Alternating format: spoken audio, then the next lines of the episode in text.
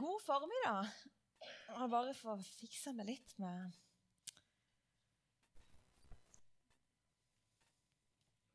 God formiddag, og tusen takk for lovsangen som vi nettopp har delt. Det var en god opplevelse for meg.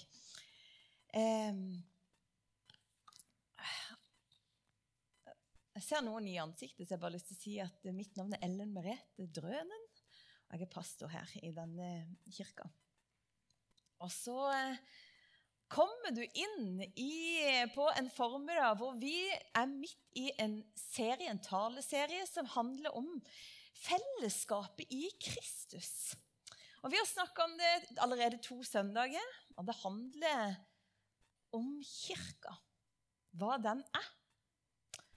Og Du har noen invitasjoner over ditt liv som er beskrevet i denne boka her, Bibelen. Og Derfor var det så fint at Sunniva begynte der hun gjorde. For den første invitasjonen som er for deg, det er å ha fellesskap med Jesus Kristus. Gud selv ønsker å leve sammen med deg. Og Tenk det, at vi kan få lov til å gå inn i denne høsten. Vi kan få lov til å gå inn i dagen vår, i denne måneden, og du vet alt det som ligger foran deg. Det er ikke sikkert du vet alt, du vet en del. Men vi kan få lov til å trø inn i dagen vår sammen med Han som har skapt himmel og jord. Han lengter etter å leve med oss. Fellesskapet i Kristus.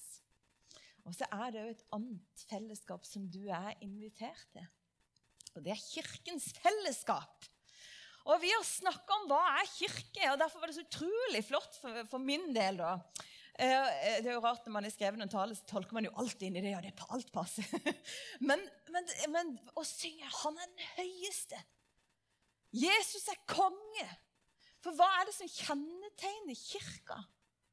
Kirka er der hvor Jesus er herre.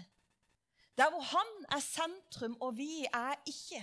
Vi er velkomne, vi er en del av det. Han bor i oss. Men han som vi har bygd på, det er Jesus Kristus. Og Vi har snakka om at kirke det er ikke noe vi presterer. Det er ikke bygg vi har bygd. Det er ikke alltid vi får til. Å være kirke er en gave vi har fått. For kirka er der hvor Den hellige ånd er nærværende i denne verden. Det skal jeg si en gang til. Kirke, det er der hvor Den hellige ånd er nærværende i denne verden. Det er kirke. Og hvor er Den hellige ånd? Jo, han er der hvor Jesus er tatt imot. Han er på en måte, Det er mange lag i dette. Han er på en måte overalt og puster liv i alt som lever og beveger seg. Men hans person lever i oss ved troen på Jesus Kristus. Og så kan det være at vi har veldig forskjellige opplevelser av hvor, hvor, mye vi på en måte tror. Og det varierer jo litt, syns jeg. Hvor stor den troen er, og hvor sterk den oppleves. Men et sennepsfrø, står det. Det holder. Der er Guds ånd. Og Kirka den består av mennesker, og derfor er han feilbarlig. Og det er det mange som bare har kjent på, både i dag og opp gjennom historien. Og Kanskje sitter du her og kjenner at det med kirke det har jammen ikke vært lett. Jeg vet ikke om jeg orker det. En kollega av meg som jobber i Den norske kirke i Oslo, han sa kirke, vet du, det er messige greier. Det er, noe, det er vanskelig, for vi er folk. Og så har vi forskjellige opplevelser av hvordan det er å være folk, og vi har forskjellige opplevelser av hva vi tenker om Gud, og hvordan vi skal tolke det som står her. Men vi er kalt. På tross av alt dette så er vi kalt til fellesskap. Og det gir på en måte så vanvittig mening fordi at han som kaller oss Vår himmelske Far, han er kjærlighet, står det. I dypet av sitt vesen så er Gud relasjon. Så det at han kaller oss til relasjon, det er på en måte ikke rart i det hele tatt. Det er på en måte ikke rart i det hele tatt. Jeg leste nettopp i en bok som vi jobber litt med i smågruppene her i kirka, at i verden så handler det om modnes. Det handler om å bli selvstendig og uavhengig. Og det er mye sant i det at vi trenger å kanskje finne vår egen stemme i denne verden. Men så skrev hun, forfatteren skriver hun om modnes i Kristus. handler om å bli mer og mer avhengig av ham og ta mer og mer del i det fellesskapet han inviterer til. Kirkefedrene de omtalte tidlig kirka som vår mor.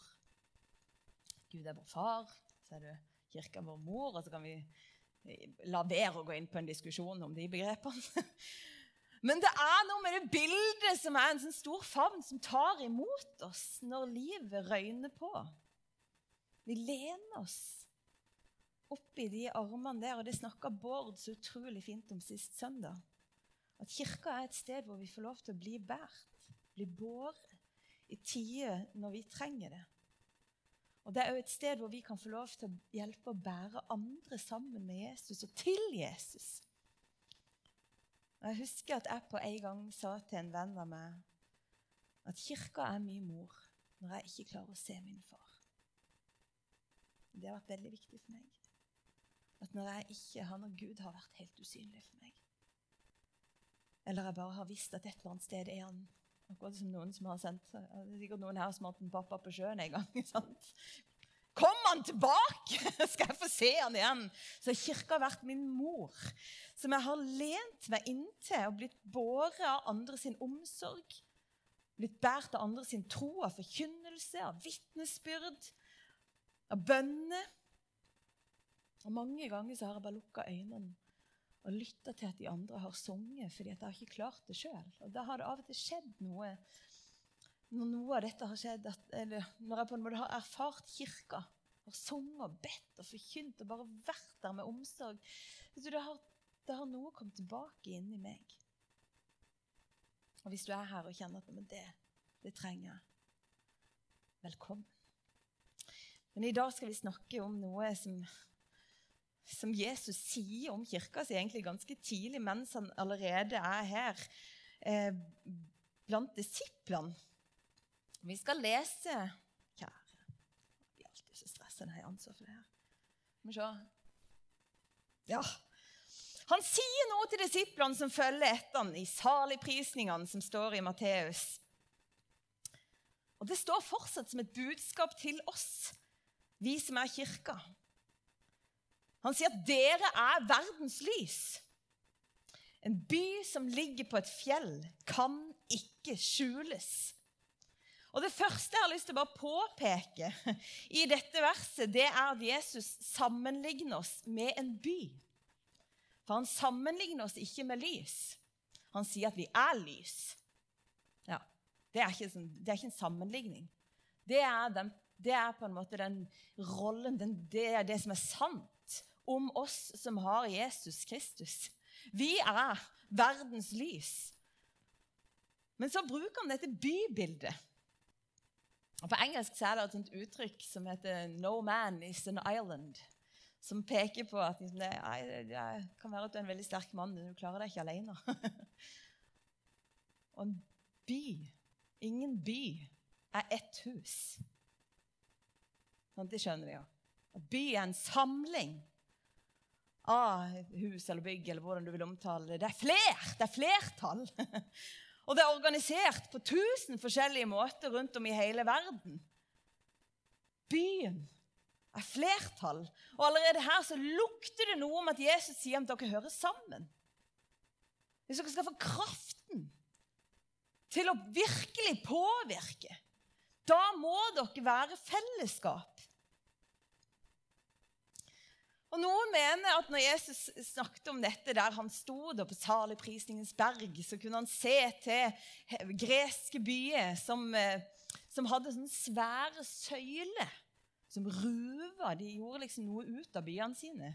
Når sola sto opp, så så du liksom silhuettene på flere mils avstand, sier de. Så så du silhuettene av byen, sine søyler. Og på kvelden liksom, så ruva de i solnedgangen. Men jeg har tenkt at Jesus spilte litt på dette med jødene sin store by, Jerusalem. Som ligger på et platå på fjellene mellom Middelhavet og Dødehavet. Og Jerusalem var, var Jeg må ikke tro at det var en av de største byene i området, for det vet jeg, det var det ikke. Det var masse store byer som mange, hadde mange flere innbyggere enn Jerusalem, som var i området rundt. Så det er jo interessant at det er Jerusalem som liksom er blitt stående, som vi husker. da. Alle de andre har perished, er det ikke det det heter på engelsk? Men Jerusalem lå på en liten høyde, eller på en fjell, eh, fjellrekke. Um, og rundt omkring så lå det masse sånn små eller mindre og små landsbyer da, litt lenger nede, og kanskje opp. Det vet jeg ikke godt nok. Sikkert noen her som vet det bedre enn meg. Men midt, eller sentralt, er riktig å si, i Jerusalem så var tempel, tempelet plassert. På tempelhøyden. Og Tempelet hadde ulike altså det var forgårder og nivået. Det ytterste nivået, vet du hva det var tiltenkt? Det var tiltenkt alle folkeslag de kunne komme dit.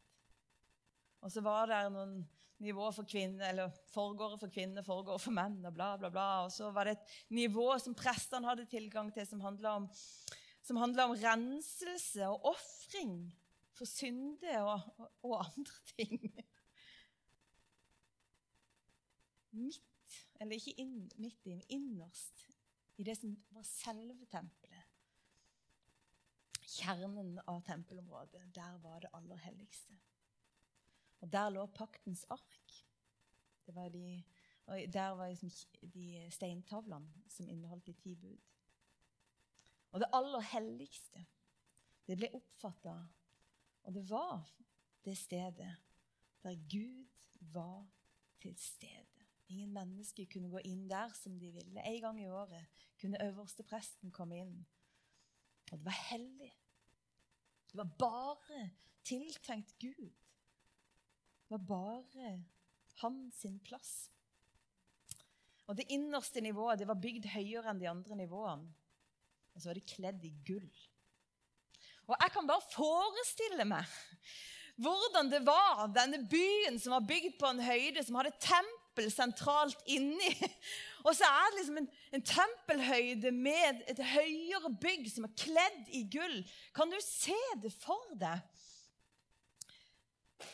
når lyset står på den bygninga der, hvordan det er et blikkfang. Hvordan det bare lyser opp for landsbyene og folkene som er litt på utsikten, for de som er litt kanskje gjetere, eller folk med penthouse-leilighet, jeg vet ikke, men de som er litt høyere oppe. Så kan de se mot Jerusalem og se at det er noe som skinner, og det er lukter ifra ofringa og røkelse som var tilbedelsen, som bare stiger opp. Og det skinner, og det skulle liksom bare gjenspeile det lyset som kom ifra Han som er verdens lys. Og stå på avstand og bare se. Å ja For, en, for et blikkfang som minner meg om at det fins en Gud som er midt iblant oss det fins et sted hvor det er forsoning med Han. Og Det var en vanvittig formidling av håp. Og I kristen tradisjon så er vi ikke så veldig opptatt av tempelbygg. Av og til så kan vi være veldig, ekstremt faktisk, tidvis opptatt av kirkebygg. Det er ikke noe galt i det, men det er ikke det samme som tempel. Og Grunnen til at vi ikke er så opptatt av tempelet, det er at Det nye testamentet forteller oss at tempelet er ikke lenger et byggverk som er reist av menneskehender. Gud har flytta. Han har flytta fra gulleiligheten, eller gullbygget, og til oss. Til en ny og bedre leilighet inne i våre hjerter, vi som tror på ham. Og Paulus skriver det Nei, hjelp, der har jeg glemt å skrive det inn. Bare sier jeg det. Altså, jeg knoter som det er. Men han sier, 'Vet dere ikke at dere er Guds tempel?' og at Guds ånd bor i dere.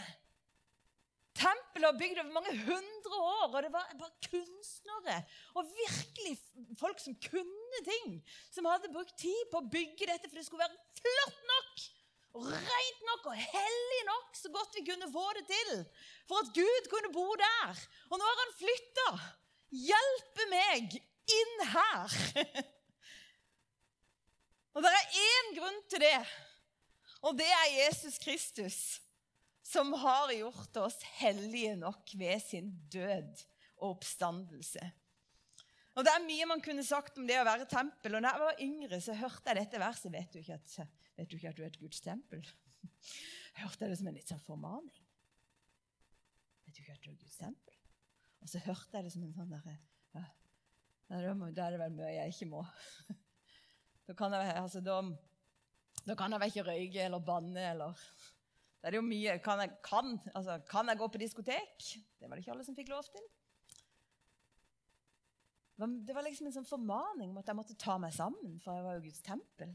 Og nå tenker jeg litt annerledes om det. Jeg sier ikke at jeg ikke skal jobbe med å leve på en måte som er Gud behag, men, men livet mitt består av så mange ting. Livet mitt består av bønn og diskusjon med Gud. Bibel, gjennom, altså bibelbønn og diskusjon med Gud.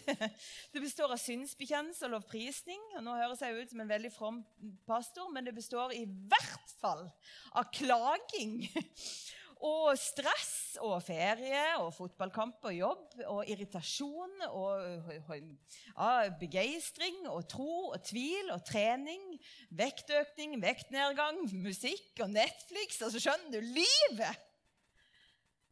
Livet!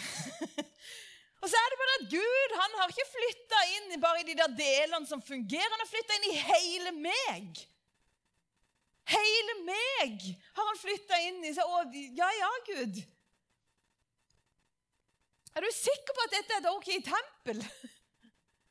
Det er bare det at innerst inne Det stedet som jeg ikke alltid klarer å finne fram med engang. For jeg må leie dette, men innerst inne det stedet hvor han bor. Ved troen som av og til føles veldig stor og av og til veldig liten. Der bor han. Og der er det hellig. Det hellige livet har flytta inn her. Og det er rent. Fordi at han er ren, han er hellig. Og det skinner fordi at han er verdens lys. Og det er ikke fordi at jeg har fått til noen ting. Det er fordi at han er den han er.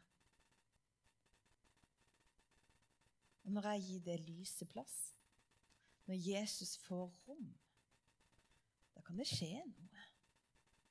Da må bare skru opp noe dimme og rydde litt plass. Så er, det, så er det som jeg kan få en sånn forventning om da kan alt skje. Når verdens lys er til stede. For det lyset bærer, veldig, bærer håp i seg. Og Dette høres jo ut som det holder på veldig sånn individnivå, men la meg løfte det opp. For når vi kommer sammen som en lysende by, som et fellesskap på toppen av et fjell Hvem er fjellet?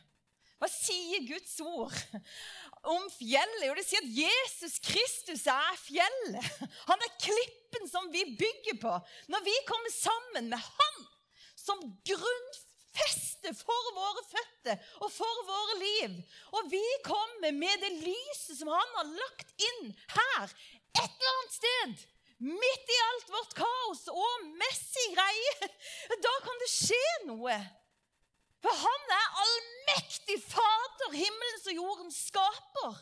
Han er den som er seierherre over dødsrikets krefter. Han er kongen. Han er den vi er og priser. Vi samles ikke rundt vår egen flinkhet. Vi samles om Han, som er beskrevet i denne boka, som er bøker over bøkene. For dette er fra perm til perm en beskrivelse av hvem Jesus Kristus er. Og så blir dette ordet levendegjort når han kommer først inn i verden og gir hele sitt liv, og så inn i ditt liv og forandrer det. Da skjer det noe. Da blir det levende håp i Jesus. Det blir synlig for denne verden. Og byen reiser seg på toppen og skinner. Og skinner. Du kan gjerne sette ett menneske på en fjellknøs med et lys i hånda. Det kan godt være at noen finner hjelp og håp. Men sett noen sammen. Bring sammen ti stykk og lag et bål. Da kan det være at noen bare flytter dit. skjønner du? Da kan det være at noen bare plasserer seg rundt. Da kan det være at noen bare går inn, for der er det så varmt og så godt. Og Nå kan det være at du syns, og jeg vet at jeg har en tendens til det, å bli litt sånn der Jeg er typen som maler med breipensel. Eh, men, så jeg tenkte jeg skulle bli litt konkret. og ja vel, hva, Hvis vi skal være lys og vi skal liksom være, bære dette håp og hjelpe meg, hvordan kan det se ut? da? Og Da skal jeg prøve å bli litt praktisk i, i, i den neste delen av den talen. fordi at det, altså, Apropos brei pensel og poesi. Eh, men, men, jeg har referert tidligere til en bok av Terje Hegertun som heter eh, 'Gjestfrihetens' eh, Nei, guri, jeg glemte. Her, det er så langt. 'Nådens gaver i Gjestfrihetens hus' heter boka. Eh, og Gjestfrihetens hus Jeg sa noe om at tempelet det, hadde, det var åpent for alle folkeslag. Og så kaller han kirka for åndens hus og nådens folk. Gjestfrihetens hus, om våre liv, våre hjem. Dette stedet når vi kommer sammen.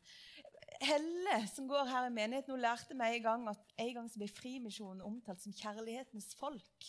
Nesten enda bedre enn Gjestfrihetens hus. Tenk det! Og så har han sagt det at kirken er feltsykehuset for en såret menneskehet. Tenk på det. Og så har han sagt dette. Gjestfrihetens hus det kjennetegnes ved noe. Det er sosialt. Det er nådegavebasert. Og så er det et sakramentalt fellesskap. Og det kan være, å være litt sånn da, OK, hva jeg var med fram til nå, hva, hva betyr det? Hva si noe om hva det sosiale, hva er det som kjennetegner kirka?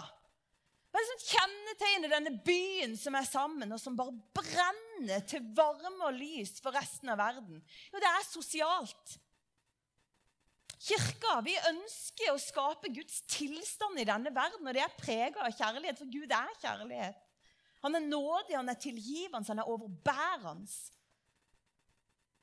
Og jeg tenker rettferdighet og fredsskapende arbeid. For noen år siden så hørte jeg Dagfinn Høybråten tale på Liv og vekst i sør, som er liksom vår, en stor sommerkonferanse i Misjonskirka Norge. Og da bare tenkte jeg fytti, dette er kirke. Han bare fremmer rettferdighet i denne verden. Med å jobbe for at fattigdom skal ta slutt, og at mennesker som er i krig, skal, skal komme til fred. Men kanskje mer som det er i nærheten for oss, det er jo det som Karoline, Helga og Hanne de holder på med. I fengselet. Å skape et sted der hvor mennesker kan få lov til å komme sammen og bare kjenne på at her, her er det godt å være. Her er det trygt. Her er det noen som vil oss vel. Her er det folk som faktisk ikke forhåndsdømmer meg. Som tåler meg sånn som jeg er. Her er det plass. Jesus han oppsøkte mennesker, og det driver dere med. Og fytti katta! Jeg er så glad for å være i kirke med dere. Så glad for det. Takknemlig for det. Kanskje ser du fru Bollestad som står nede i hjørnet der. Kanskje tror du jeg prøver å påvirke deg politisk. Gjør jeg det? Nei, jeg vet ikke. Kanskje. Men uh, i alle fall, hun er med del ut suppe. Sant? Det er sosialt fellesskap. Å invitere til mat. Invitere til måltid. Er det noen du kan invitere på kveldsmat? Kanskje det er det, faktisk. Et bilde fra barne- og ungdomsarbeid. Tenk om vi kunne møtes. altså Blant barn og unge i dag, nummer én, de har vanskelig for å komme seg ut av rommene sine. Det er så mye gaming og Internett i, i det der livet der at jeg kan bli helt gal. Nummer to det er slett ikke alle som blir invitert til noen i løpet av en måned. Eller i løpet av et år. Tenk at vi kan tilby dem å komme hit. På en litt sånn felles plass. Velkommen er du. Ja. Her er alle velkomne. Etter skoletid er et sånt sånn, en sånn anledning som vi har fått lov til å starte her i menigheten. Jeg er så stolt av det, at vi har gjort det. Kirkekaffe er dette. For dette, det sosiale i kirka handler om at Guds rike er midt iblant oss, og vi elsker hverandre. Og det er du invitert til. Om du er introvert eller ekstrovert, altså finnes du stor eller liten gruppe eller to eller tre. Så, vet du hva?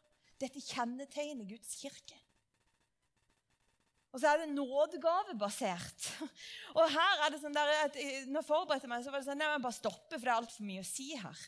Og hvis du er en av de som tenker at vi skulle hatt mer om nådegaven, så kan jeg fortelle deg at i løpet av året så skal det komme virke, vi, skal, vi skal ha kvelder hvor vi snakker om dette og tar nådegavekurs og alt det her. Men vi tror at Gud har gitt gave til hver enkelt av sine barn. Og de gavene virker til det gode. Hensikten med de gavene det er å hjelpe mennesket til fellesskap med Gud og med Hans kirke. Og Bibelen snakker om disse. Han snakker om barmhjertighetens nådegave. Musikk, estetikk, forkynnergave, lærergave, profetisk gave, tungetale. Mange gaver. Og det sosiale og nådegave altså, Det lapper jo over hverandre. Det holder på med noe fellesgreie her. Så gled deg til du blir invitert til nådegavekurs, og meld deg på. Bare kom. Følg meg på, på Facebook. Og så er det et sakramentalt fellesskap. Den verdensvide kirka, for vi er en del av noe som er mye større enn Frimisjonen. Vi tilhører hele Jesu kropp på denne jord. Vi har noen hellige handlinger til felles. Og de er grunnfesta i Jesus sine ord og handlinger. Vi snakker om dåpen og nattverden.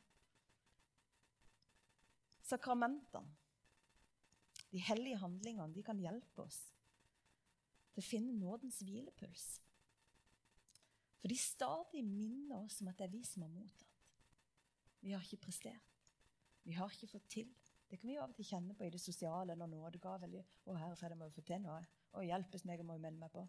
Å, nåd, de hellige handlingene, de minner oss stadig om Nei, men det er vi som tar imot. Det er vi som har fått. Og Nå skal jeg komme på eksempelet. Det skal jeg avslutte med. Jeg skal komme på, med noen vitnesbyrd om sosialt, nådegavebasert og sakramentalt fellesskap. Det første jeg skal si, det er det sosiale. Fordi at jeg har vært med på å starte etter skoletid en gang før. Og Noen kan kanskje kjenne igjen dette vitnesbyrdet, men jeg har fått lov til å fortelle det.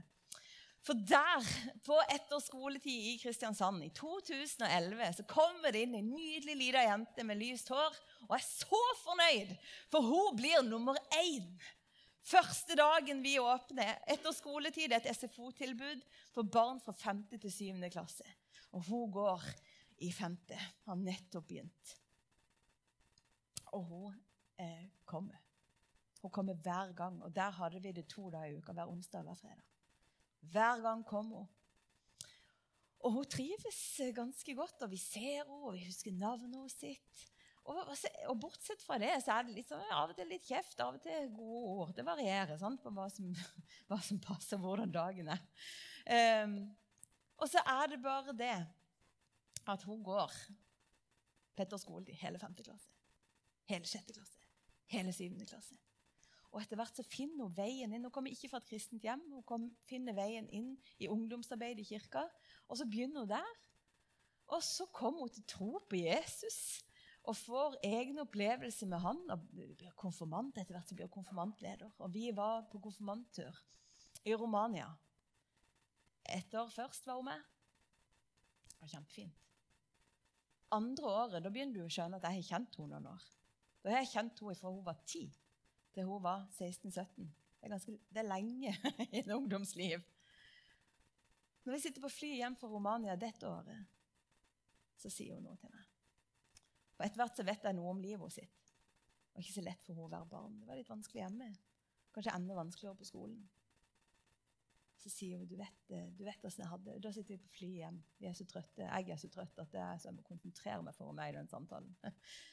Så sier hun du vet, eh, du vet hvordan jeg hadde det da jeg gikk på etter skoletid.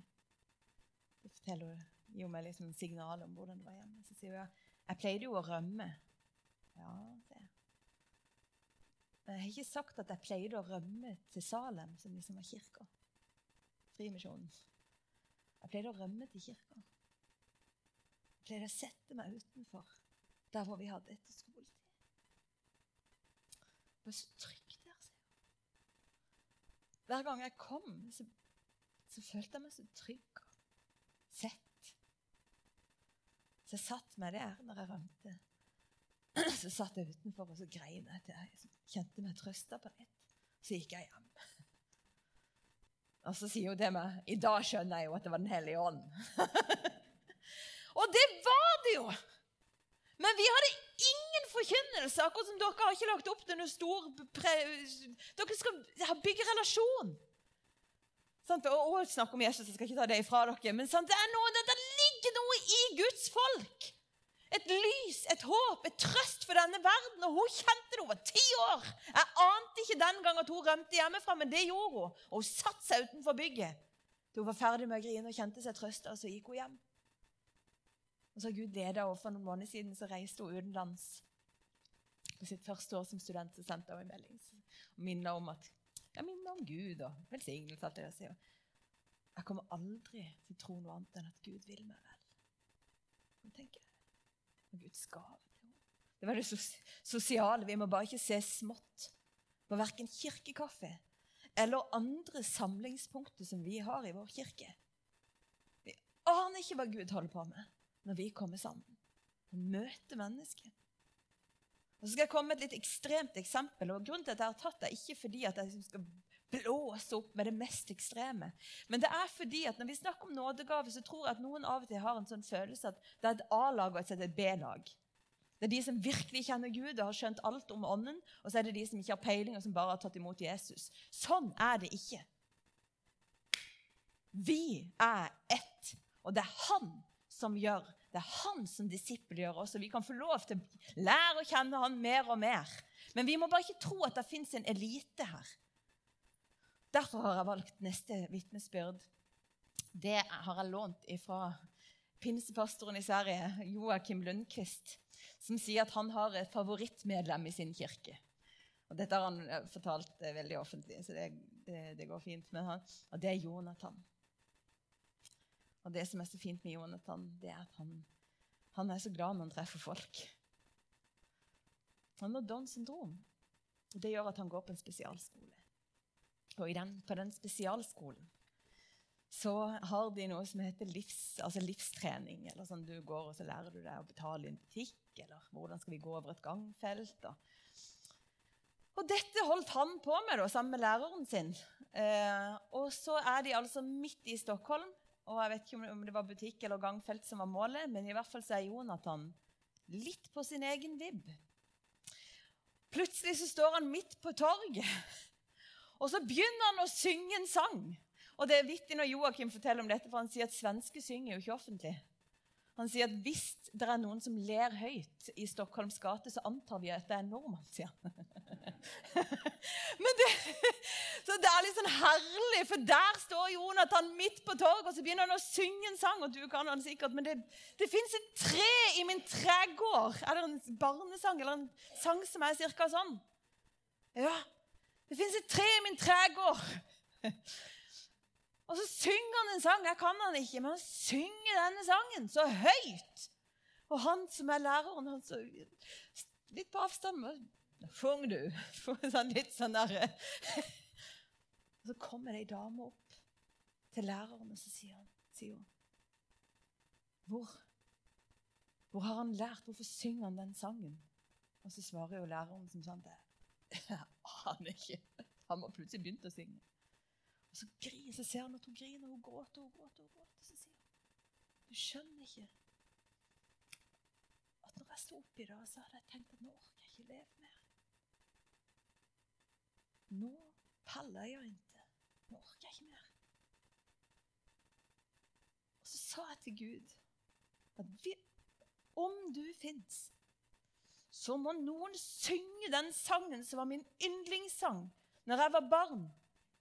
De må synge den for meg i dag, ellers så slutter jeg. Og den sangen, det var Det fins et tre i min tregård. Og der står Jonathan som ikke kan sangen engang. Han kunne aldri synge den igjen. De prøvde å få han til å synge, han kunne ikke sangen engang. Han synger så høyt han kan! Fordi at Gud er i ham og gir han noen tanker og toner. Og så er det bare at han er så herlig befridd fra all stolthet. At han bare gjør det, så faller han inn. Vi trenger nådegavene.